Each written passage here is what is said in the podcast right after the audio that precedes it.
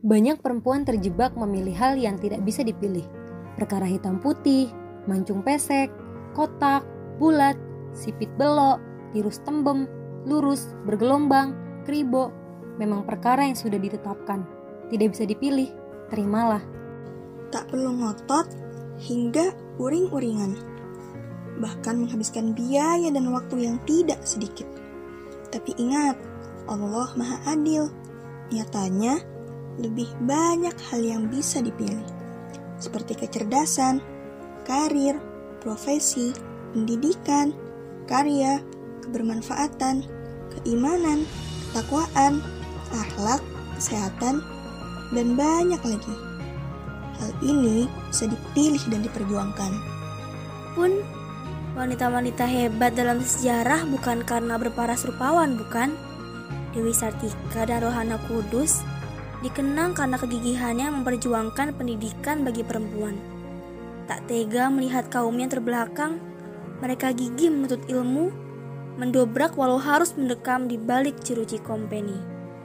Pun perempuan hebat yang tercatat abadi ribuan tahun dalam Al-Quran, Asia, seorang istri penguasa tiran Fir'aun, teguh beriman dalam pusat kejahatan dan kesombongan, memilih hidup tidak nyaman dalam pusat kekayaan. Kita juga mengenal wanita yang teguh menjaga kesuciannya, Maryam, perempuan suci sampai akhir hayat ketaatannya pada Allah membuat ia dipilih untuk melahirkan Rasul, Isa alaihi salam. Maryam lalu mampu bertahan di tengah cemooh dan fitnah atas dirinya, bertahan melihat buah hatinya dimusuhi, ditolak, diejek, bahkan disakiti karena perjuangannya. Juga penamping hidup kesayangan Rasulullah, Siti Khadijah. Ia yang telah beriman ketika semua orang ingkar, ia yang membenarkan ketika orang-orang mendustakan, ia yang memberikan semua hartanya ketika orang menjegalnya. Perempuan yang bahkan membuat Allah menitipkan salam padanya melalui Jibril, hingga kabar bahagia menutup hidupnya.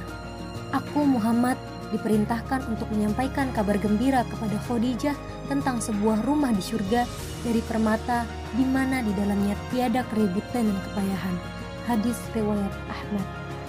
Lihat kan, tidak ada yang peduli soal rupa bagaimana bentuknya. Lalu, tak terhitung berita orang memuja, menjadi inspirasi, semangat, dan motivasi banyak manusia. Toh, perkara kecantikan akan berakhir di masa senja nanti. Namun, karya dan kebermanfaatan akan abadi bahkan setelah mati. Dan kupastikan, kelak saat hari perhitungan berlangsung, tak pernah ada pengelompokan manusia berdasarkan warna kulit, bentuk hidung, atau tinggi badan. Jadi, Selamat memperjuangkan hal yang bisa diperjuangkan.